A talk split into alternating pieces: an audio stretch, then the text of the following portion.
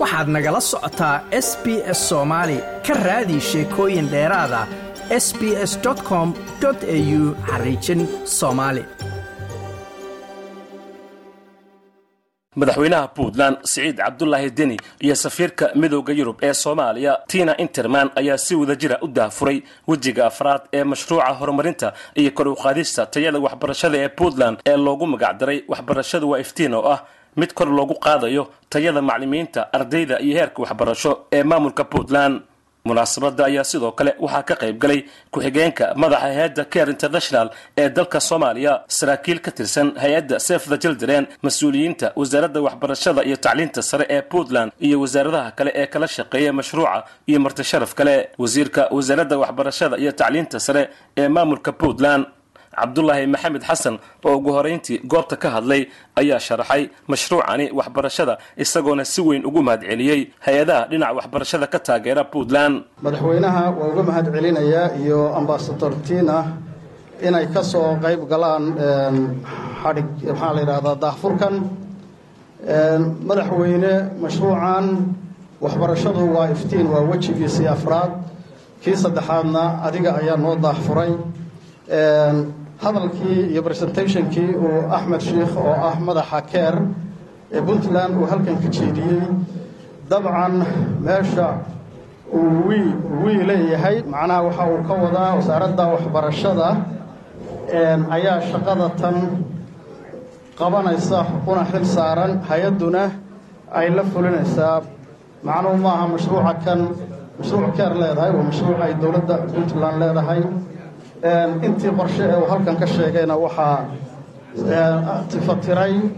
oo sidaa u asteeyey waa wasaaradda waxbarashada iyo tacliinta sare ee dowladda puntland. Mashaariicdii afar saddexda ahayd ee hore horumarkii laga gaadhay iyo kan hadda aan daah furayno dhammaantood waxay u adeegayaan ardayda soomaaliyeed ee reer puntland. Madaxa hay'adda keer ee puntland axmed sheekh ayaa isna sheegay in puntland oo kaashanaysa bahwadaagteedii iyo deeqbixiyaasha caalamku ay ka shaqaynayso kor u qaadista waxbarashada guud ee dalka gaar ahaan midda puntland. Dabcan dowladda puntland oo ay kaashanayso bahwadaagteeda iyo dadka deeqda bixiyo oo ay kor u qaadayaan tayada waxbarashada. Maanta waxaa fursad weyn inoo ah inay nala joogaan eu oo taageero weyn siiso ee waxbarashada gaar ahaan puntland iyo dhammaan soomaaliyaba. Dabcan anigoo aan warka badinaynin waxaan ku soo koobayaa in ay maanta fursad weyn inoo tahay in uu madaxweynaha dowladda puntland uu noo daahfuro.